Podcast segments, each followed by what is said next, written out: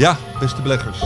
In een week waarin de Amerikaanse inflatie nieuwe recordhoogte bereikte en Bitcoinbank Celsius uitstel van betaling aanvroeg, staat de AEX rond de 665 en de S&P 500 rond de 3755 punten. Tijd om te praten beleggen. Dit is voorkennis. There are three ways to make a living in this business. Be first, be smarter, or cheat. No, I don't cheat. Beleggersbelangen presenteert voor kennis. Ja, beste beleggers, leuk dat jullie weer luisteren. Uh, ik ben Johan Brinkman, weer terug na drie weken heerlijke vakantie. En ik zit hier uh, vandaag aan tafel met uh, mijn collega's Menno van Hoven en Karel Merks. nou, zoals aangekondigd zullen we vanaf vandaag een aantal zomerweken de podcast op een iets andere manier gaan doen dan dat u van ons gewend bent. in ieder geval vandaag en de komende drie weken behandelen we één groot hoofdonderwerp in plaats van uh, drie of twee hoofdonderwerpen. En uh, dat hoofdonderwerp en, uh, zal ook de komende weken en ook deze week zijn een van de voorbeeldportefeuilles.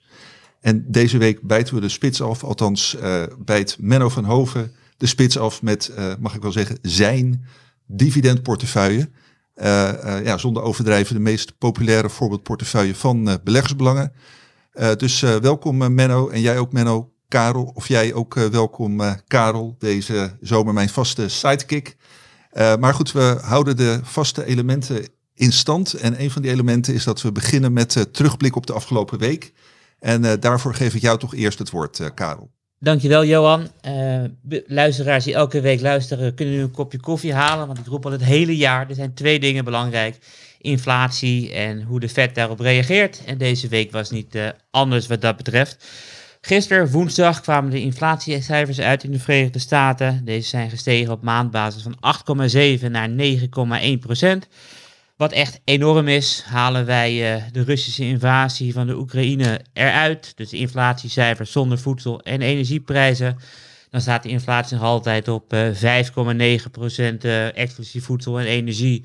Wat echt enorm is. Dit is schrikbarend hoog. En daarom uh, mijn tweede punt, uh, de Fed. Over twee weken komen ze weer in actie. De kans dat er een renteverhoging komt uh, nou ja, is gegarandeerd. De kans dat er 75 basispunten bij komen is 100% volgens de Fed Futures. En nou ja, na het inflatiecijfer toch wel weer tegenviel en hoger dan verwacht uitkwam, is nu een 70% kans dat er zelfs 100 basispunten bij komen. Dus vier renteverhogingen. Waarom verhoogt de Fed? De rente, omdat ze vraaguitval willen hebben, want vraaguitval zorgt voor dalende inflatie. In het Engels klinkt het helemaal dramatisch, want dan noemen ze het uh, demand destruction. En het laatste wat ik nog even wil zeggen is van uh, Bank of America heeft gekeken van hoe bijzonder de start van uh, eh, 2022 wel niet was. En heeft gekeken naar de afgelopen honderden jaren van Amerikaanse assets. En ze kwamen tot de conclusie dat inclusief de inflatie, dus gewoon in termen van koopkrachten, de start uh, van de SP 500 sinds uh, 1872 niet zo slecht was. Obligaties presteerden niet zo slecht sinds 1865. Dus we gaan helemaal terug aan de Amerikaanse burgeroorlog. En grondstoffen hadden de beste start sinds uh, 1946. Dus we leven in eh, interesting times. Ja, nou dat kun je wel zeggen. En uh, nou ja, dit zal inderdaad de vaste luisteraar bekend uh, in de oren klinken, maar telkens toch met uh, andere variaties. Menno, wat viel jou afgelopen week het meeste op? Ja, heel veel. Een hoop uh, enorme koersbewegingen. Maar uh, ja, wat vooral echt uh, bijzonder is natuurlijk euro-dollar. Die, als ik het goed begrijp, dan kijk ik even gelijk naar Karel, heel even pariteit bereikte. Zelfs eronder. We hebben 0,9991 gehad. Dus dat ja, is precies. Een, dat betekent 9000... dat de euro evenveel waard was als de dollar. En precies. dat is bijzonder. En het grappige ik, is, ik kijk zelf juist al andersom. Omdat ik en heb je vanuit... dus precies hetzelfde, van 1 is 1. Precies, precies. nu wel, ja, inderdaad. Nee, ik kijk natuurlijk altijd vanuit de Amerikaanse posities die ik omreken naar euro's.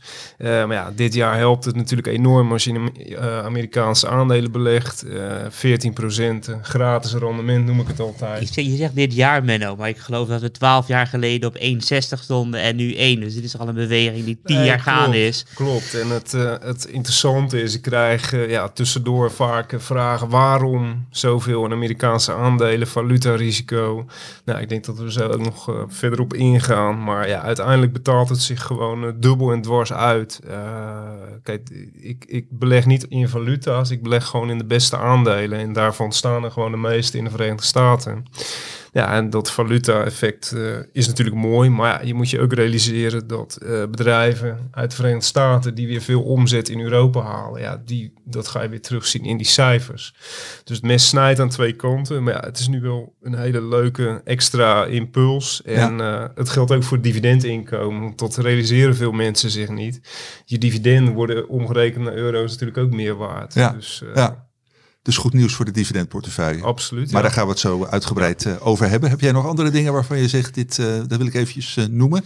Nou, een paar hele extreme koersbewegingen. een Zweedse concurrent van CM.com, eigenlijk een veel grotere speler, Cinch, enorm hard gedaald. En ja, in dit geval omdat er een short seller met een negatief rapport kwam. Een dag erna uh, kwamen ze ook met het nieuws dat ze iets moesten bijstellen. Dus ja, er gaat iets niet helemaal lekker daar. Uh, ja, wat uiteindelijk uh, daarachter zit, dat zal nog moeten blijken. En of het ook daadwerkelijk zo is. Maar het is vooral die extreme koersbeweging. Ja, we moeten dan die, aan denken, 20, 30 procent? Op één dag, ja. Ja, en de ja. dag erna gingen ze nog weer lager. Ja, dat is gewoon bizar. Dat zijn van die aandelen die vorig jaar iedereen wilde hebben. Ja, En die gewoon nu 80, 90 procent lager staan. En dat uh, ja, is ongekend. Ja. Blijkbaar is het nog steeds niet voorbij met die dalingen voor uh, sommige van die uh, Nee. hoogvliegers. Dus, Nee, en het tekent de onrust in de markt. Absoluut, ja. Ja, ja. oké. En Menno, nou weet ik dat jij afgelopen week een mooi stuk in Beleggersbelangen hebt geschreven over het bedrijf PepsiCo. Wat, uh, wat was daar uh, uh, ja, de aanleiding voor en kun je er iets over vertellen? Ja, waar kwartaalcijfers. Nou, iedereen kijkt natuurlijk met angst en beven naar, het hele inflatie gebeuren. En ja, wat je eigenlijk bij PepsiCo ziet, de cijfers waren gewoon prima. Ze kunnen gewoon de prijzen blijven verhogen. Natuurlijk hebben ze ook hogere inputkosten. Maar ja, het blijkt wel dat mensen toch, en ja, ik herken dat zelf ook wel. Het is niet zo dat als de prijzen een paar cent hoger worden, dat je dan ineens een andere zak chips gaat kopen of Nee. een uh, andere cola gaat drinken. Nee. En dat geldt dus gewoon eigenlijk voor ja, wereldwijd. Uh, Pepsi blijft gewoon goed doen. Organische omzet uh, target voor dit jaar verhoogd van 8 naar 10 procent. En uh, ja, ze hebben dus nog geen last van inflatie. Ze zullen ook als de prijzen blijven stijgen, inputkosten, zullen ze ook die prijzen verder moeten verhogen. Maar het geldt dus zeker niet voor alle sectoren dat inflatie een probleem is. Dat zie je dus heel duidelijk. En dat is heel mooi. En uh, ja, PepsiCo is een aandeel wat het relatief heel goed doet dit jaar. Het is ook een duur aandeel, dus ik, ja, ik zou niet uh, keihard kopen willen roepen. Maar voor de lange termijn blijft het gewoon een mooie belegging. Ja. En uh, vanuit die dividend oogpunt, dividend is nu 50 jaar op rijen verhoogd. Het is ook een dividend aristocrat. Ja. Dividend En, uh, king toch vanaf 50 jaar? Ja, je hebt heel veel verschillende termen. Ik beperk me tot echt Een officiële... uh, dividendtopper is het in ieder geval. Precies, Wat, uh, een dividendknaller. En uh, ja, het dividend gaat ongeveer 7% per jaar omhoog. En dat is precies wat ik nastreef met de dividendportefeuille. Dus uh, ja, heerlijk aandeel. Uh, wat het in dit soort jaren heel goed doet. Ja, ja, in groei, ja. groei, goede beursjaren blijft hij misschien wat achter. Maar ja. die moet je er ook bij hebben. Nou, en het is ook uh, fijn om uh, in zo'n podcast als dit uh, ook af en toe eens wat goeds, positiefs te melden over, over aandelen. En dat ja. geldt dus zeker voor, voor Pepsi. Karel, je hebt ook het een en ander geschreven voor het magazine deze week, mag ik wel zeggen. Kun jij er iets uitlichten? Ja, Novo Nordisk. Um, mensen eten heel veel producten van, van Pepsi onder andere. Pepsi is groot in, in chips. Wat krijg je als je te veel chips eet? Dan krijg je diabetes, niet meteen, maar meestal pas 15 of 20 jaar daarna. Nou ja, volgens de Diabetes Stichting lopen er wereldwijd uh, honderden miljarden, nee, miljoenen, excuus, honderden miljoenen mensen rond die niet weten dat ze diabetes hebben. Ja, uiteindelijk komen ze bij de dokter, blijkt dat ze het hebben en hebben ze een medicijn nodig van hoogwaarschijnlijk uh, Novo Nordisk, want zij maken medicijnen tegen diabetes. En daar zijn ze beter in dan de concurrentie. Dus ze winnen marktaandeel. Twee jaar geleden dacht ik van ja, steeds meer mensen komen erachter dat ze suikerziek hebben. Dus ik ga het aandeel uh, tippen. Alleen helaas, op het moment dat de rest van de markt er ook achter komt, uh, is het in twee jaar tijd, of eigenlijk twintig maanden moet ik zeggen, met, uh, met 100% gestegen. Ja. Waardoor de waardering is gedaald van eh, een free cash flow yield van 5,3 naar 3,3.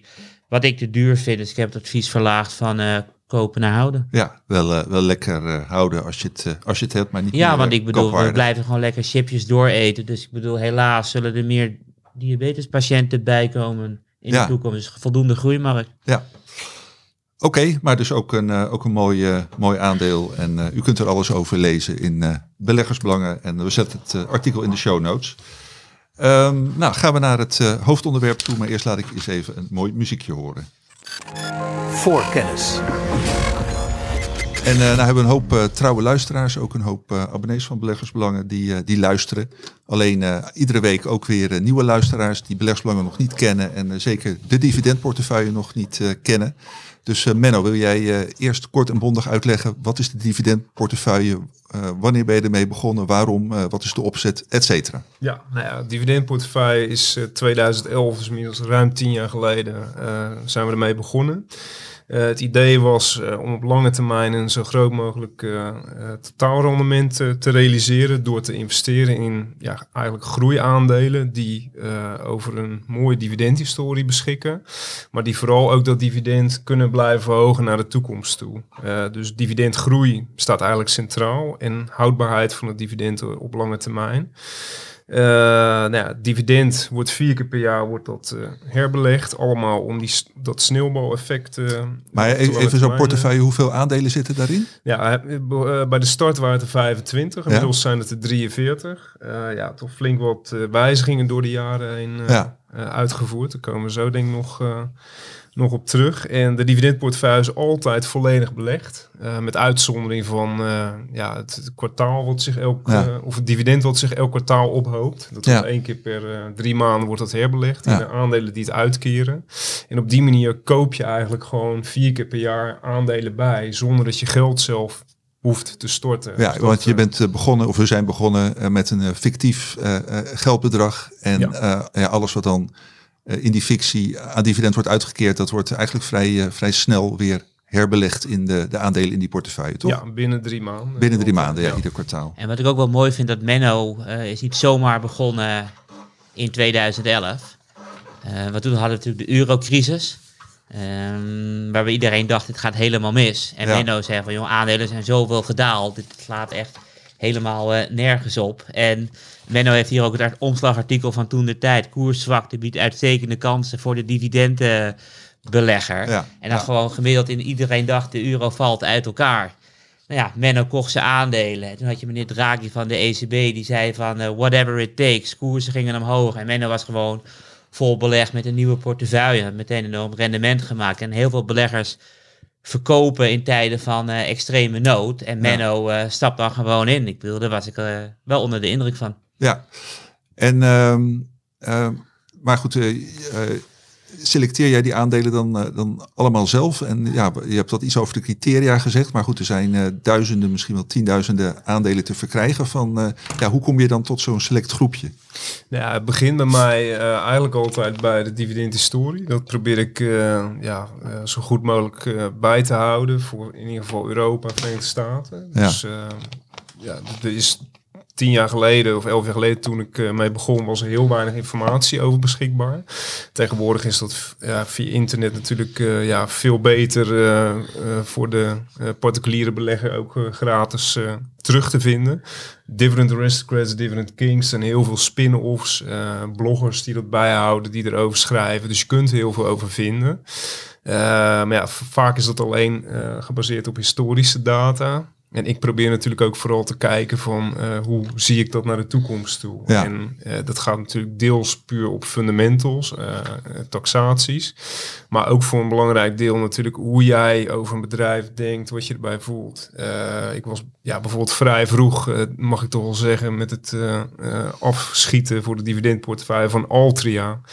Eh, en eigenlijk precies om de reden... eh, wat je- sigarettenfabrikant. Precies, Ja. ja. klopt. Wat je nu ziet is dat gewoon, eh, ja, de roken, dat wordt eh, echt, eh, ja, uiteindelijk wordt het helemaal de nek omgedraaid. Ja. En alternatieven hebben die bedrijven niet. Eh, je ziet nu ook dat het smokeless tobacco, dus pruimtabak en van die vaping dingen, dat wordt ook overal verboden. Ja. Dus ja, het is gewoon een doodbloedende markt. En ja, daar moet je wel op tijd op anticiperen. Want ik heb Altria nog met 173% rendementen verkocht in eh, eh, 2014. Ja, en eh, als je nu kijkt naar die koers, dat is één groot drama. En het dividend, dat gaat er uiteindelijk ook aan. Dat eh, kan niet anders. Ja. Dus ja, het is wel zaak ook om ver vooruit te kijken. Is lastig. Ik weet ook niet alles. Maar ja, je moet er wel een soort gevoel bij proberen te vinden.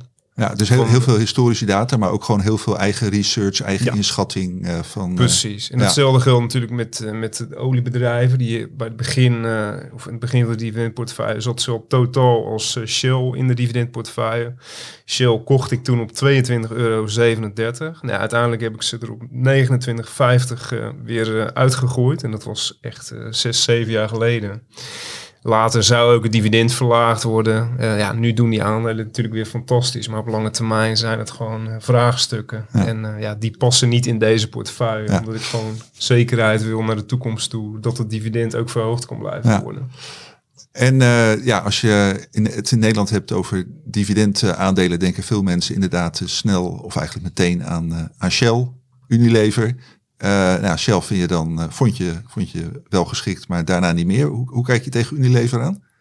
Nou ja, Unilever toevallig, eh, als ik me niet vergis, dit jaar uit de dividendportefeuille gegooid. Eh, ze zaten er, het was het enige aandeel wat ik origineel gekocht heb en waar ik nooit een stukje van verkocht had. Oké, Dus ze kwamen erin met een weging van 4% en ergens begin dit jaar was het nog maar 2,5%. Nou, dat geeft al aan dat ze het gewoon eh, niet goed doen. Ja. Ze waren underperformer. Maar wat voor mij echt de doorslag gaf, naast de, de, de, de, de managementflaters eh, die, eh, die, die, die maar aan blijven houden, eh, is vooral dat het dividend eh, niet meer groeit. En eh, ja, het Niet een- meer hard groeit. nou, precies. Het, het kan beter. Dus ja, er zijn aandelen in Europa ook, waaronder een Orkla, ja, die gewoon wel dividend periodiek met een mooi percentage verhogen. Dus daar kies ik dan voor. Ik wil eh, dividendgroei staat gewoon centraal. De target, de doelstelling is eh 7% minimaal per jaar dividendgroei. Ja. Portefeuille breed. Nou, daar past Unilever gewoon al eigenlijk jaren niet meer in. Eh, En dat is eh, spijtig. Maar ja, er zijn gelukkig genoeg andere aandelen Ja, die, ja. die dat wel bieden. ja, want je hoort natuurlijk veel over dividend, van dat is fijn, is eigenlijk een soort, soort rente. Daar kun je bij wijze van spreken, als je maar een groot bedrag hebt, kun je daarvan leven. Maar dat is juist niet de bedoeling van deze portefeuille. Hè? Het is echt alles herbeleggen en eh, het bedrag Klopt. laten groeien. Klopt. En eh, het is goed dat je het, eh, dat je het naar voren brengt. Want we hebben ook bij beleggersbelangen natuurlijk een hoog Ja, dividendportefeuille. daar gaan we het volgende week over hebben. Precies, en die is inderdaad puur gericht op het eh, genereren van inkomen als, eh, of dividend als aanvulling op inkomen. Maar bij de dividendportefeuille, ja, eigenlijk de hoogte van het dividendrendement, eh, ik kijk er wel naar, maar het is zeker niet van doorslaggevend belang. Het gaat mij vooral echt om de groeivooruitzichten voor het bedrijf, winst, omzet en uiteindelijk ook het dividend. En dan kom je bij hele andere sectoren kom je uit. En ja, er zitten bijvoorbeeld ook twee aandelen in met een dividendrendement van 0,6 procent. Dat is laag, maar ja, dat zijn wel bedrijf, bedrijven die dividend gewoon met dubbele cijfers elk jaar verhogen. Ja. En die gewoon meer investeren, overnames doen, aandelen inkopen. En dat is ook een keuze. Terwijl Ja. de bedrijven met een hoog dividendrendement vaak ja, bijna de volledige winst aan dividend uitkeren. Ja, En ook weinig ruimte hebben. eh, eh, kleine margin of error, of hoe je dat dan ook noemt. 70. Safety, precies. En eh, ja, dat zijn ook gewoon andere sectoren, waaronder dus ook olie, waar veel dividendverlagingen geweest zijn, vooral in Ja. Europa. Eh, telecom blijft nog altijd, eh, ja, vind ik een moeilijke sector op lange termijn. Gaat dit jaar ook goed. Maar 2020 is wat dat betreft gewoon een heel bijzonder jaar. Alle aandelen die, die het afgelopen jaren je zei hebben gedaan. 2020, maar of bedoel je? 2022, Twee- Oké, ja, nee, correct. Ja. Die, die doen het dit jaar eigenlijk heel goed. En dat zijn juist niet de aandelen die in de dividendportefeuille zitten. En eh, ja, vandaar dat de dividendportefeuille dit jaar voor het eerst na 11 jaar eh, op verlies staat. Ja. Maar je hebt Eh, toch eh, eh, het jaar is nog niet ten einde. Klopt, en volgens klopt. mij stond je 2018 op een gegeven moment ook op verlies, maar door een eindspeurtje nog net in de plus. Ja, nee, dus ik klopt. bedoel, de enige reden waarom ik het zeg is van, we zouden nu weer een klein speurtje omhoog kunnen krijgen en dat het weer een positief jaar wordt natuurlijk. Hè? Ja, ik heb al een aantal jaren geleden heb ik ook al geroepen van nou, dit zal wel eens het eerste jaar eh, van eh, een verlies Ja. of een negatief rendement. Maar het is wel leuk om hier eventjes over eh, door te praten. Want ik bedoel, je- ehm, heel veel beleggers volgen natuurlijk wat jij doet. Eh, alleen jij bent natuurlijk een hele jonge vent. En die zal dit nog heel lang eh, zo door blijven gaan. Maar wat op het moment dat je Menno van Hoven volgt, je bent al wat ouder en je denkt van, ik wil een keertje van het geld gaan leven. Wat denk je dat de maximale termijn zal zijn dat je portefeuille onder water kan gaan staan? Want ik bedoel, er is altijd een kans dat er een, een 2008 voorbij komt en we zitten twee, drie, vier jaar tegen. Heb je daar ideeën over? Van hoe lang voor het einde van de looptijd eh, moet je beginnen met verkopen? Ja, je geeft zelf al aan twee, drie, vier jaar. Ik denk persoonlijk dat op dit moment dat er gewoon heel veel koopjes zijn. Dat heb ik al eerder geventileerd via deze podcast. Dus ja, maar, zin- maar ik bedoel, koopjes kunnen natuurlijk altijd eh, omslaan in superkoopjes. Nee, ik, ik heb ook jouw artikelen gelezen ja. in 2009, waarin je volgens mij letterlijk eh, in de beleggersbelangen hebt geschreven het woord snoepwinkel. Ja. Eh, dus ik bedoel, het kan altijd eh, een nieuw superlatief, toch? Nee, maar dat is het, het leuke van beleggen. Op korte termijn is het totaal on, onvoorspelbaar. Maar ik denk als je op deze niveaus instapt en je hebt gewoon... kijk, ik denk dat je altijd minimaal 10 jaar moet hebben. Vooruit moet kijken. Wil je echt gewoon je portefeuille zijn werk kunnen laten Ja, doen. ja, dus je zegt eigenlijk alles korter dan 10 jaar. Ja. Betekent niet 100% belegd, maar gewoon cash aanhouden. Nou, Als je dat- looptijd korter is. Nou, dat, dat zou ik niet zo snel zeggen. Eh, maar eh, ja, wil, wil je gewoon echt eh, in een normale cyclus komen in die huidige waardering? Want ik denk echt serieus dat van de 43 dividendportefeuille aandelen dat er 35 echt gewoon goedkoop zijn. Als je maar lang vooruit kijkt. Ja, dan en je, je, je kunt het voor 10 jaar eh, wegleggen. Dan ben ik ervan overtuigd dat je een heel mooi rendement gaat maken. Maar ja, het kan inderdaad ook nog drie, vier jaar door eh, emmeren. Uh, maar dat is in dit geval alleen maar gunstig, Ja. omdat je dan al die dividenden, die elk jaar verhoogd worden, gewoon tegen relatief gunstige Ja, ja, maar het klinkt, kunt het, klinkt, het herbeleggen. klinkt lekker populistisch, maar het is natuurlijk wel zo. Van koersdalingen zorgen voor hogere rendementen op lange termijn. Omdat je tegen lagere koersen je dividenden kan opnieuw investeren. Nou, dat is het. Dus Alleen je moet wel eh, s s'nachts kunnen, kunnen Ja. slapen. Nee, precies. Maar ik merk het ook hoor, aan, aan de e-mails, eh, op het forum van beleggersbelangen. Ja, op de een of andere manier, mensen gaan toch weer twijfelen. Ze zien best wel flinke koersdalingen van veel Ja, ik bedoel, aandelen. wat als Ja. eh, Rusland het gas afsnijdt volgende Ja. maand? eh, wat als dit gebeurt? Wat Ja. als China Taiwan En, en dat binnenvalt? is eigenlijk precies als in 2011, toen, toen ik begon met de dividendportefeuille. Maar, maar, maar, denk je dat het nu net zo extreem is als de koopkans is net zo groot als in 2011? Nou goed, eh, het zijn andere aandelen. eh, het zijn sowieso andere tijden. als Want het dividendrendement is nu wel veel lager, toch? Dan Nee, klopt. klopt. Dat is wel grappig dat je het aanhaalt. Als ik hier naar de portefeuille kijk, ik heb gewoon het artikel letterlijk voor me. Ja, dan zie ik gewoon eigenlijk geen één aandeel met een dividendrendement van minder dan 2,5% bij de start. Ja, Maar, maar, dividendrendement is er ook een soort waardering kwestie van hoe hoger het dividendrendement, hoe hoger het toekomstige rendement. Nee, ja, zo zou het kunnen stellen. Feit is het wel dat de portefeuille waarmee ik begon, zat bijvoorbeeld telecom in. Er zitten eigenlijk heel veel aandelen in die ik vandaag de dag nooit meer zou eh, kopen. Ik heb heel veel bijgeleerd Ja, ja. eh, de afgelopen jaren gelukkig. Dus de startportefeuille, als ik er nu naar kijk, dan schrik ik er eigenlijk bijna Ja, ja. Wat, wat, wat, hoeveel rendement heb je ook weer behaald sinds 2011? Ja, nou, de, ik, heb, ik heb hier een rijtje statistieken. Die zal ik eventjes eh, oplepelen. Dat is misschien wel eh, interessant. Gemiddelde jaarlijkse rendement sinds eh, de start 2011 is eh 13,6% Dus per jaar. Ja.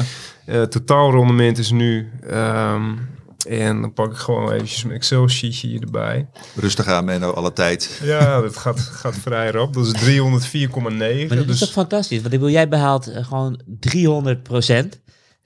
wat gewoon eh, heel hoog is. En eigenlijk zeg je van, als eh, ik toen wist wat ik nu weet, Had, Ja, dit had nog zeker- veel meer Oh, zeker weten. Ja, ja, Ja. absoluut. Maar goed, daardoor... Kijk, ben jij de goeroe van Nederland geworden. nee, dat valt ook wel weer mee. Nee, het, het mooie is dat je gewoon continu zo'n portefeuille kunt blijven bijsturen. En dat heb ik dus ook gedaan door de jaren heen. Dus ja, de portefeuille zoals die er nu staat, ja, daar heb ik gewoon heel veel vertrouwen in op lange termijn. Nou ja, ik, denk- ik denk eh, terecht. En eh, Menno, wat jij nog eh, niet hebt verteld in al je bescheidenheid, is dat je natuurlijk in de loop der jaren steeds meer mails, nou, telefoontjes van mails eh, en andere berichten hebt eh, gekregen van abonnees die zeiden van, eh, nou Menno, goed bezig, fantastisch. Ik, ik boots de hele portefeuille na. Nou, dat is ook het idee van die voorbeeldportefeuilles natuurlijk. Maar ook dat er steeds meer beleggers op een gegeven moment zeiden van Menno, ja, weet je, ik kan wel die, die 30, 40 eh, aandelen kopen, maar ik heb een groot bedrag. Kun jij dat niet gewoon voor me beleggen? Want ja, dat is toch, zo is toch een paar jaar geleden, kwam dat regelmatig zo'n verzoek bij ons binnen. Ja, nee, absoluut. Eh, dat, kijk, we hebben natuurlijk eh, enerzijds een grote groep actieve beleggers, abonnees, die het gewoon heel leuk vinden om het zelf na te bootsen. Ja. Maar ja, het kost wel tijd en veel mensen die eh, hebben die tijd niet of die, eh, die, die durven het toch niet aan en die zoeken inderdaad naar een eh, oplossing om het in één keer te kunnen doen. En ja, we zijn daar heel lang mee bezig geweest en nou ja, jij kon daar denk ik meer over vertellen. Ja, Johan. ja, nou ja, kort en goed hè, zijn we er inderdaad lang mee bezig geweest, maar heeft dat geresulteerd in een, de, de oprichting van een beleggingsfonds, het Fundshare Beleggersbelangen Dividend Fund. Sinds eh, eh, ruim anderhalf jaar bestaat dat nu. En eh, nou, daar is Fundshare eh, de fondsbeheerder van, dat doen wij niet zelf. Maar goed, wij leveren wel de input en, en, en ook de naam. En nou, dat fonds is vorig jaar heel voorspoedig van start gegaan. Ja, dit jaar wat, wat lastiger gezien de marktomstandigheden waar we zo over, over verder gaan. Maar eh, nou ja, goed voor ons als, eh, als magazine, eh, als tijdschrift natuurlijk wel heel bijzonder om je naam te lenen aan een echt beleggingsfonds waar particulieren met één druk op de knop in kunnen stappen. En inderdaad voor die abonnees en andere luisteraars die geen zin hebben om ja, die 40, 50 aandelen zelf aan te schaffen via een broker. Ook eh, hele, hele goede mogelijkheid om dat met, met één druk op de knop te doen. Dus eh, nee, daar ben ik eh, ook eh, als hoofdredacteur heel erg trots op. Maar Menno is absoluut de drijvende kracht achter de dividendportefeuille. Waardoor die ook op vakantie bezig is met de dividendportefeuille. en volgens mij ben je er 365 dagen per jaar mee bezig, toch? Ja, nee, het is gewoon een soort van een verkapte hobby. Ik vind het sowieso leuk om te kijken eh, als ik iets zie van kan ik daarin beleggen. En de eerstvolgende eh, eh, vraag die ik mezelf stelde om wat ik ga uitzoeken, als ik het nog niet ken, van betalen ze ook een dividend? En dan wil ik ook weten hoe lang eh, is het verlaagd in het verleden. Dus ja, dat probeer ik allemaal een beetje in kaart te brengen. En daar is eigenlijk de dividendportefeuille op gebaseerd. Ja, en eh, nou, we hadden eh eh eergisteren ook op ons forum oproepje gedaan aan abonnees om ja, wat, wat vragen neer te zetten aan, aan- Menno. Kan ook de komende weken aan, aan de andere beheerders. En nou, een van die vragen die sluit wel aan bij wat Menno net zegt. Van Menno, van in hoeverre spelen jouw persoonlijke voorkeuren een rol bij de selectie voor de portefeuille? En eh, beleg je ook zelf in deze aandelen? Kun je daar iets over zeggen? Ja, sowieso inderdaad. Het is, eh, het is wel heel erg eh, gebaseerd ook op persoonlijke ervaringen. Een goed voorbeeld is de laatste aankoop Tule. Ik ken de producten, ik gebruik ze ook zelf. Eh, Ja, de dus- dakkoffers en eh dergelijke. dak, ja. dakkoffers, fietsendragers, maar ook de kinderzitjes eh, voor achter op de stoel, eh, waar ongetwijfeld heel veel mensen in Nederland ook mee eh, Ja. rondrijden. En het staat gewoon voor kwaliteit. En eh, ja, het is gewoon een heel mooi groeiaandeel, wat dit jaar keihard eh, onder druk ligt eh, door juist het hele inflatieverhaal. Eh, of het ook daadwerkelijk eh, ja, zo slecht gaat, eh, dat moet nog blijken. Eh, ik denk dat het wel meevalt. En ja, als je dan een aandeel hebt dat dit jaar gewoon halveert, dan zie ik alleen maar kansen. Dus ik heb ze in maart in de dividendportefeuille gedaan. Sindsdien is de koers nog wat verder weggezakt. Maar ja, dat zijn wel de kansen. En ja, daar wil ik gelijk ook bij zeggen. eh, de grootste weging, zwaarste weging in de dividendportefeuille is nu voor eh, Microsoft eh, weggelegd met 4,4 procent.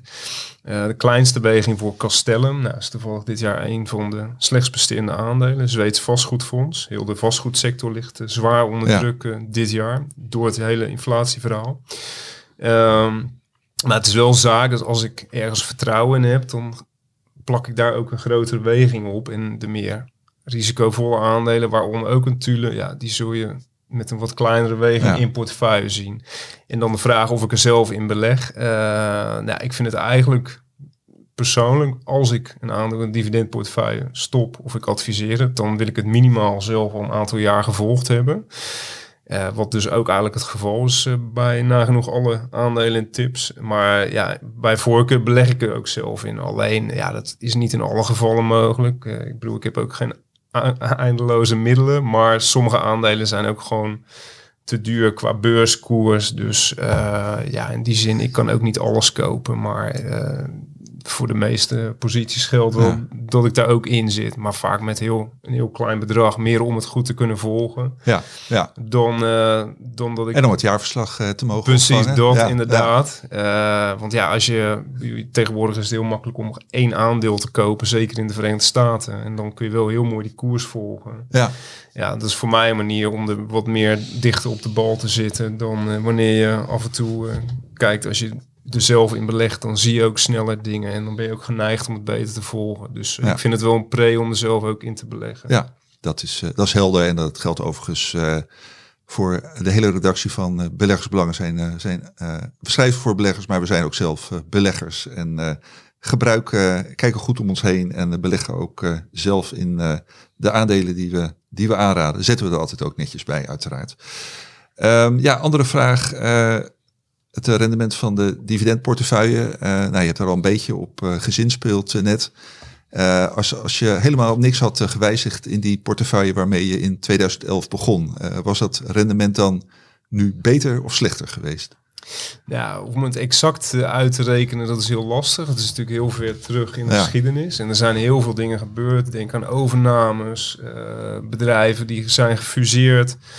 Eh, eh, bedrijven die eh, überhaupt niet meer bestaan. Dus in die zin is het lastig om dat terug, terug te rekenen. Maar vooral door die spin-offs, dat soort Ja, zaken. ja.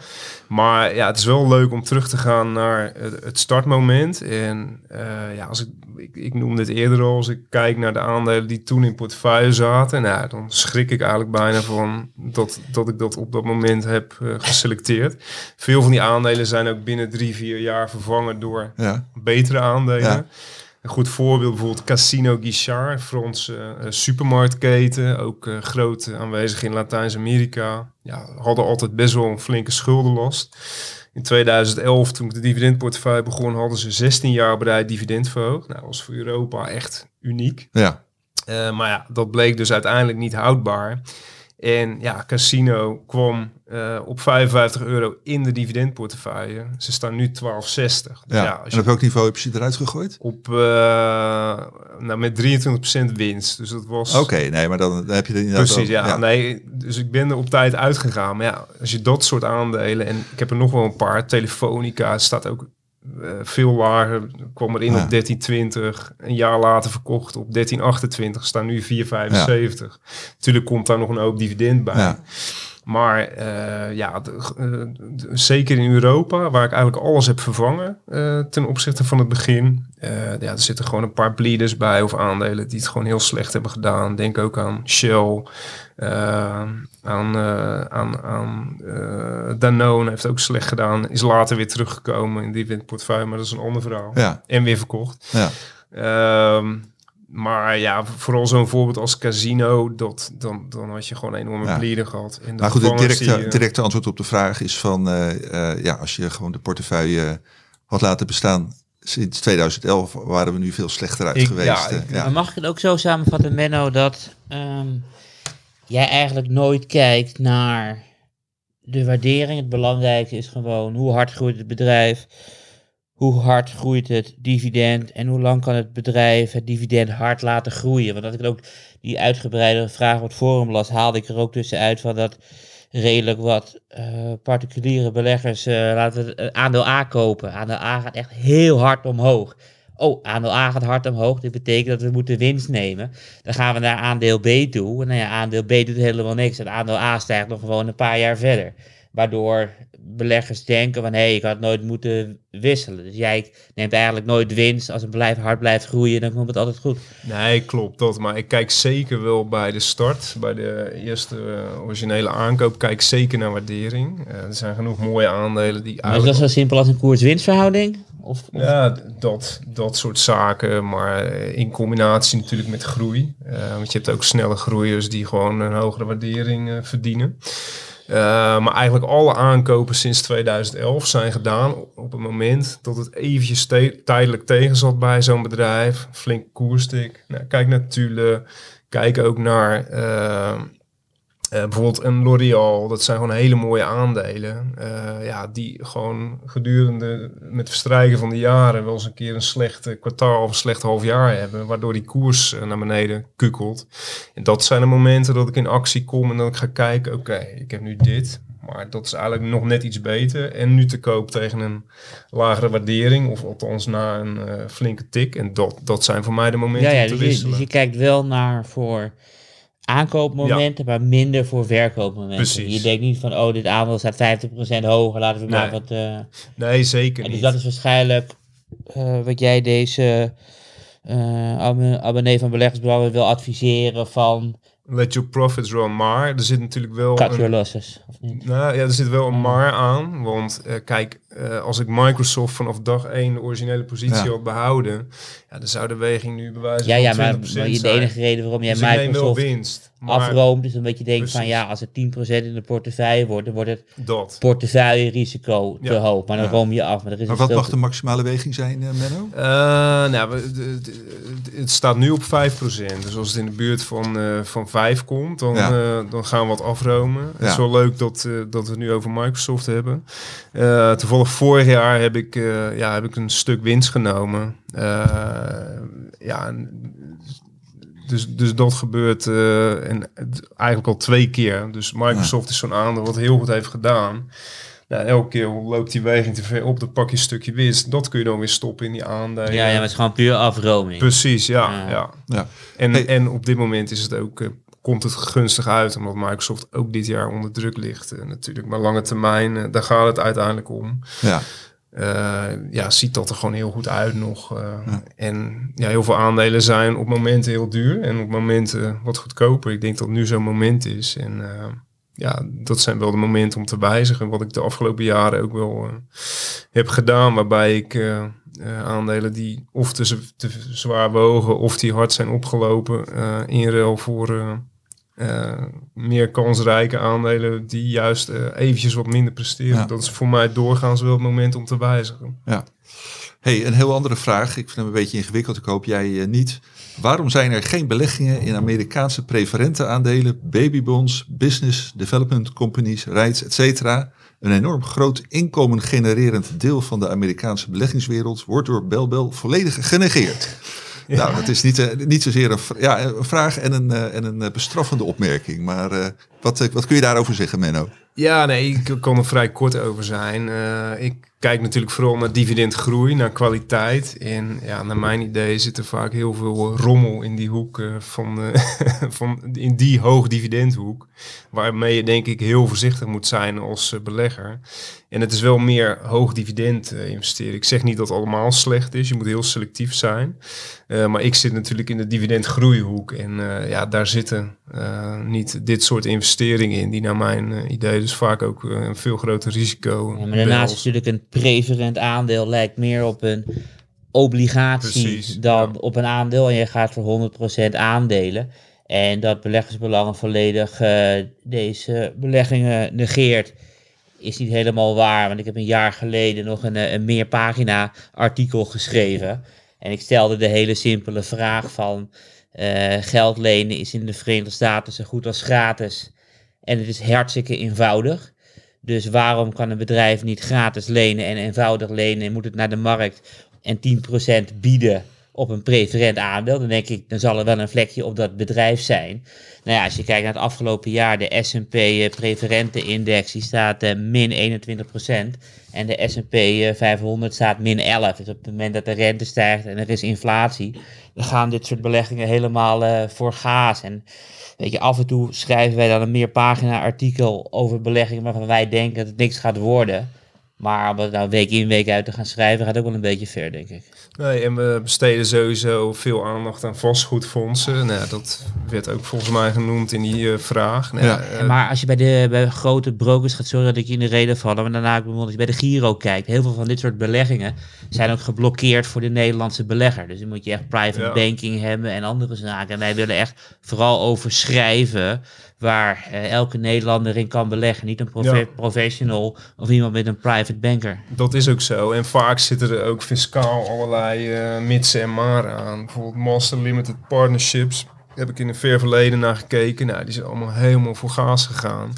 Uh, altijd hoge dividendrendementen, maar dat zijn vaak gewoon echt een meer risicovolle aandelen, waarmee je ook nog eens een keer met je belastingaangifte zwaar in problemen kunt komen. Dus uh, ja, ik denk ook niet, uh, je kunt beter focussen op goede, kwalitatief ja. goede ja, de investeringen. Van het risico, dan, toch? Precies. Ja. ja.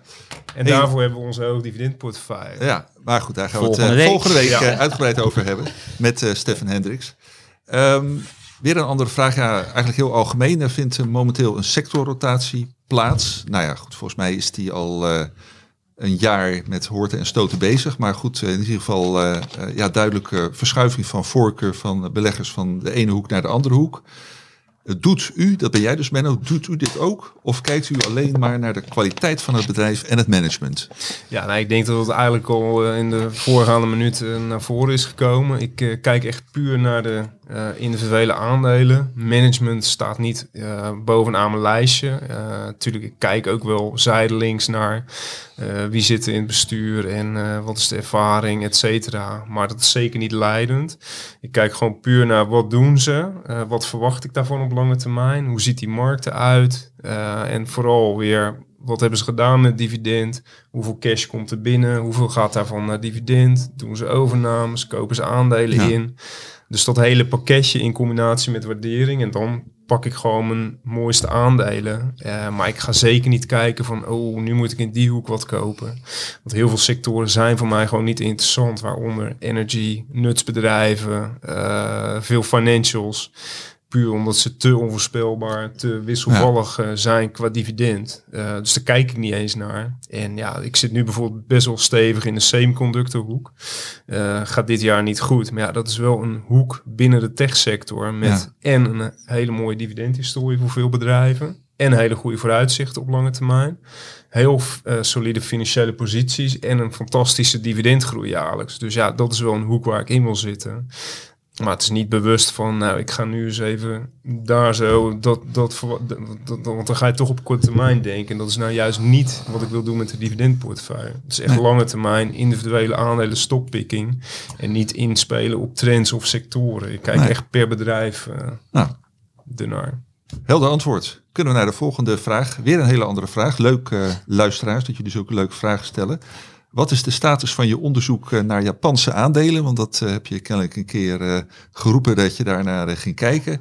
En heb je voor de dividendportefeuille al eens overwogen om een aandeel toe te voegen, een Japans aandeel, Daikin?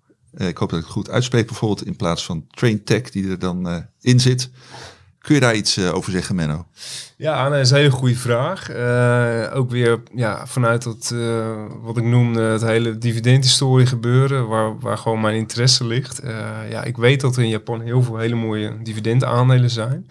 Maar ja, allereerst, het kost gewoon heel veel tijd om het om uit te zoeken in kaart te brengen. mijn tijd is ook beperkt, helaas. Dus dat, dat is wel een gedeeltelijke reden ervoor. Maar het belangrijkste en dat is iets ja, waar ik eigenlijk de laatste jaren zelf ook meer ben achtergekomen. De meeste Japanse aandelen noteren tegen een koers van tienduizenden of nou, meer dan vijf, zes. Sommige aandelen, bijvoorbeeld Daikin, wat nu in de vraag, door de ja, vraagsteller ja. genoemd wordt.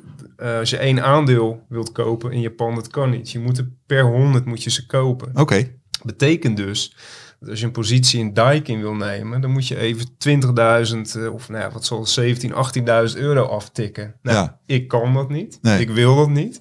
En dat past dus ook niet in het plaatje dat ik er zelf in wil investeren. En Nee. ik denk ook dat de meeste abonnees die gewoon de dividendportefeuille één op één volgen, ja, eh, die zijn er ook niet toe in staat. Dus ik kan wel zeggen, dividendportefeuille op papier kan ik Daikin kopen. Ja. Eh, maar ja, het, het is gewoon eh, heel omslachtig voor eh, Nederlandse beleggers. omdat je gewoon hele grote bedragen moet neerleggen. Ja. En los daarvan, als ik gewoon Daikin afzet tegen Train Technologies, wat ik dan in het dividendportefeuille heb gekozen als sectorgenoot. Ja. Daikin is duurder, dividendrendement is lager, dividendgroei is lager. Dus ja, ook daar is totaal geen reden om eh, voor, Japans, voor een Japans bedrijf te Nee. kiezen. Omdat eh, de Amerikaanse optie gewoon beter is, Ja. naar mijn idee. Ben je nog wel van plan om eh, een keer een artikel over de Japanse aandelen te gaan schrijven? Of zeg je van het is onderzocht en het is gewoon geen Nee, nee je dat, dat zeker. Ja. Want dat, dat is altijd nog een, eh, nog een mogelijkheid. Er gaat wel een hoop tijd in zitten. eh, maar ik, ja, ik wil het zeker nog een keer doen. Ja. Wat mij betreft ook gewoon nog in de loop van dit jaar. We plannen het in. Prima. Alleen, eh, ja, ik ben wel... Ik moet wel terugkomen eh, ja, van mijn eerdere enthousiasme. Gewoon puur omdat het gewoon Ja. eh, heel lastig is... Vooral voor de kleine belegger om een beetje fatsoenlijk te, in, te Ja, investeren. met 18.000 euro is toch een juist eh, argument. Nee, precies. En dat, en, en dat is gewoon een beetje doorsnijden. Het is helemaal bizar. Als je naar Japans vastgoed heb je gewoon koersen van honderdduizenden yens. Dus ja, dat is Mag je wel delen door drie, hè? Nee, precies. Maar het, het is gewoon, ja, het is voor de, voor de happy view. eh, als je heel Ja. veel geld hebt, is Japan fantastisch. Ja. Ik zeg delen Maar, door drie, eh, drie nullen eraf halen bedoel ik. Nee, precies. Ja. precies. Hey, nog, nog weer een eh, heel andere vraag. Die gaat over eh, Tina. En eh, nou, in beleggingswereld betekent dat there is no alter- alternative. Er is geen alternatief voor, voor beleggen. Door het, veranderen, door het veranderende landschap wordt Tina een beetje naar de achtergrond gedrukt. Dividend aristocrats hebben de laatste jaren sterk geprofiteerd van Tina. Wat gaat dit voor de waardering van de eh, dividendaandelen betekenen en wat is jouw visie hierop? Eh, heb, heb jij daar een antwoord op, eh, Menno? Want ik hoor jou eigenlijk Ja, ik ga sowieso Tina. straks naar eh, Karel doorschuiven. Ik moest aan jullie vragen, wat is Tina? Hè? Ja. Dus ik was wel lachen, want ik wil, wat gebeurt er als er wel Ik een... googelde, al- toen kwam ik bij een oude vrouw nee, nee, nee, nee, nee, nee. Maar ik bedoel, wat, there is no alternative. Maar wat krijg je als er een alternative is? Dan valt de N weg en heb je een TIA. Ja, kijk, Ah, dat is niet goed. Nou. Dat klinkt niet goed. Nee. Nee, maar sowieso, ik, als ik er heel kort wat over mag zeggen, ik denk sowieso dat eh, veel dividend aristocrats mooie dividendaandelen al enorme tik hebben gehad. Dus dat effect, dat zie je al daarin. Dus in die zin, eh, ja, eh, no alternative, eh, nou ja, dat, dat geldt nu ook niet meer, denk ik. Eh, en die, die dividendaandelen zijn daar al eh, voor gecorrigeerd, veel. Zeker Ja. dividendgroeiaandelen. En natuurlijk een dividend aristocrat is per definitie een dividendgroeiaandeel. Alhoewel je daar ook weer verschillende gradaties in hebt. Bijvoorbeeld Walgreens, wat ooit in de di- dividendportefeuille zat. Wat ik er gelukkig heb uitgegooid. Ja. Want ze staan nu op precies dezelfde koers als in 2011. Eh verhoogde toen het Ja. dividend met 29%. Toen ik ermee begon. Eh, en gisteren maakten ze bekend dat ze het dividend met 0,5% verhogen dit jaar. Alleen Puur om een streak in stand te houden. dat. Dus in die zin, eh, maar ja, dat is een zijstapje. Maar ik weet niet of jij verder nog wat over Tina wilt. eh, Nee, nou kijk, heel veel mensen denken nu dat de rente gaat stijgen. Maar ja, gedurende onze hele beleggingscarrière hebben we elk jaar gehoord eh, dat de rente ging stijgen. Ik bedoel, vanaf 2000 was het, er is inflatie. En toen eh, elk jaar van de rente kan niet lager. Nou ja, we hebben dus 40 jaar dalende rentes gehad. Weet je, en wat zag je dus gisteren? Ik bedoel, de Amerikaanse 10-jaarsrente die ging uiteindelijk naar 3,5. Iedereen schrok zich eh, een hoedje van een inflatiecijfer. Toen daalde de 10-jaarsrente van 3,5 naar 2,9. En we zitten weer in het dalende trendkanaal van de afgelopen 40 jaar. Dus heel misschien is deze inflatie die we, die we nu zien... eh, niets anders dan eh, energieprijzen die hoog zijn door de Russische invasie eh, in de Oekraïne. Eh, en gaan we hierna weer naar de problemen die we hiervoor hadden. Dus demografie, steeds meer ouderen, steeds minder jongeren, wat natuurlijk ook enorm devaluatoire is. Dus heel misschien is die dalende rente nog wel intact. Ja, En dan hebben we nog steeds geen alternative. En, en beleggers, kijk, en wat heel vaak vergeten wordt, van stel de rente stijgt wel. Ik bedoel, er is pas een alternatief op het moment dat de rente hoger is dan de inflatie. En in de jaren 70 uh, presteerde aandelen werden dramatisch. Waarom? De rente lag boven de inflatie. Dus we hadden 14% inflatie. Maar ja, je kreeg wel 16% op een spaarbankboekje. En daarmee kon je koopkracht intact houden. Ik bedoel, stel dat wonder boven wonder. HB AMRO zegt, jongens, jullie krijgen 4, 4 à 5% rente op een spaarbankboekje. Holt je vermogen ook gillend achteruit met een inflatie van 7 à 8 procent. Dus zolang de rente niet boven de inflatie uitstijgt, zijn dividendaandelen nog steeds een uh, fantastisch alternatief. Oké, dit, uh, dit over, uh, over Tina. Uh, ja, kom ik bij de laatste onderwerpen, of in ieder geval laatste twee vragen die gingen over, waar we het net uh, ook over hadden, wat Menno aanstipt, uh, ja, verhouding euro-dollar. Um, ja, op de eerste plaats, Menno, je hebt, wat, wat is op dit moment de, de verdeling tussen Amerikaanse en Europese aandelen, dus in jouw dividendportefeuille? De Amerikaanse nu 65,2, dat is het hoogste ooit en dat komt natuurlijk vooral door die sterke dollar. Ja. En uh, ja, heb je daar een soort uh, wetmatigheid in dat je op een gegeven moment het Amerika-deel wil afromen als het uh, too much wordt? Of, Ja, we hebben vooral dan voor het dividendfonds hebben een aantal regels hebben opnieuw opgesteld. Ja, ja. En daar is wel een bovengrens van 70%. Maar ja, wat, wat, we met Stefan ook al hadden besproken, ja. we sluiten niet uit dat we dat nog een keer gaan aanpassen in overleg natuurlijk met, met functie. Ja, ja, nee, maar we hebben het nu uitsluitend natuurlijk over de, jouw voorbeeldportefeuille. Precies. En dan vind jij 65 of, of 60, 65 procent wel ja, kennelijk uh, aanvaardbaar. Nee, absoluut. En vooral ook omdat ik nog steeds, vooral in uh, Verenigde Staten, die mooie uh, aandelen zie. In Europa is het ook wel, zijn er ook genoeg goede dividendaandelen. Maar er zijn er heel veel gesneuveld tijdens de ja, coronapandemie.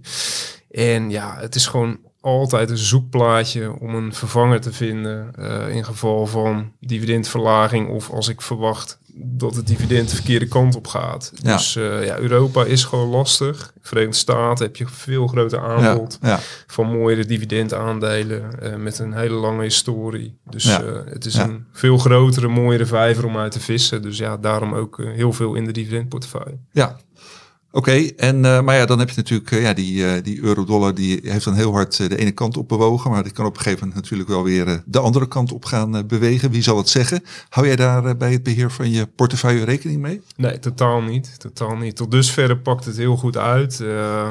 ja, dat, wat ik al zei, het mes snijdt aan twee kanten. een sterke dollar ja, is weer slecht voor bedrijven die bijvoorbeeld, nou, goed voorbeeld is tractorfabrikant Achco. Uh, haalt meer dan de helft uh, van de omzet, als ik me niet vergis, uh, uit Europa. Ja, die, die gaan daar last van hebben. Maar ja, Ahold, aan de andere kant, die zitten natuurlijk in de Verenigde Staten en die profiteren ja. dan weer. Ja. Dus ja, het gaat alle kanten op. En ja, per saldo zit ik gewoon in de beste aandelen, ongeacht waar ze genoteerd staan. En ja. in dit geval is dat in dollars. Ehm, ja, valuta uiteindelijk, dat levelt zich wel. Uh, maar het is zeker niet iets waar ik op stuur of kijk van, oh, het is alleen wel, we hebben gezegd van, uh, nou ja, 70%. Uh, ja, anders kun je net zo goed alles in Amerikaanse aandelen doen. Dan wordt het de Amerikaanse dividendportefeuille. Ja, ja. zou best kunnen. Hadden we dat vanaf het begin gedaan, had de rendement nog veel hoger geweest. Ja, ja. maar ja, het is wel een, een portefeuille, zowel Europa als Verenigde Staten. Vooral ook omdat veel abonnees en beleggers toch in eerste instantie nog altijd heel erg op Europa gericht zijn. Ja, ja. En dat was uh, ja, elf jaar geleden was het helemaal zo. Waar Amerikaanse aandelen soort nog een beetje van, uh, van heel spannend voor veel mensen. Ja. Uh, is natuurlijk steeds minder geworden, vooral ook door de betere informatievoorziening en de ja, goedkopere tarieven bij brokers. Maar nee, ik ben heel tevreden met die zware weging in de VS en die, uh, die blijft lekker zo staan. Ja, uh, ongeacht wat, uh, wat valuta gaat doen de komende jaren. Ja. En, ik zou, mag, ja, mag ik nog wat over zeggen? Want ik ben echt een zwaar tegenstander van deze vraag. Dus ik ben tegen turbo's, boosters, long op euro, USD. En, en de reden daarvan is, ik bedoel, we gaan er allemaal, nou, iedereen weet dat een valuta is vloeibaar. En niet zo vast als een uh, liter of een meter dat is. Dus vaak zie je dat op het moment dat de valuta uh, omhoog gaat, dan gaat de prijs wat van aandelen naar beneden en, en vice versa. En op het moment dat jij een heel harde bet doet en je koppelt je valuta vast, dan breng je alleen maar extra risico eh, in de portefeuille. Ja, Een klein voorbeeldje van, ik ga er niet vanuit, maar stel dat Rusland denkt, ik wil Europa een beetje pesten, dus ze leveren nog wat minder gas, dan profiteer je niet mee met de vlucht naar Amerikaanse aandelen. Wordt volledig eh, afgedekt. En dan, en, dan, en dan stop je er weer mee en dan gaat hij door de stopkoers en dan eh, doet Poetin weer wat vriendelijk en dan profit, profiteer je niet mee naar die andere kant. Dus nooit eh, afdekken, want dalende valuta zorgt voor stijgende aandelen. En het kost ook alleen maar geld natuurlijk. Ja, ja, je maakt ook de uitgever, maakt, maakt je blij. En, Ja, precies. Is alleen maar risicovol. En daarnaast, eh, ik ken een aantal mensen die wel heel goed zijn in aangeven welke aandelen aantrekkelijk zijn. Maar ik ken helemaal niemand die gewoon een valuta-expert is. Want er gebeurt altijd iets op macro wat je niet had kunnen zien aankomen. Nee. Van COVID tot en met een oorlog. En dan gaan al die munten bewegen. Ja. Dus nooit doen. Behalve als je wil speculeren. Maar dit is niet eh, voor een eh, portefeuille met laag risico van dividend. nee. Goeie aanvulling, eh, Karel, dankjewel.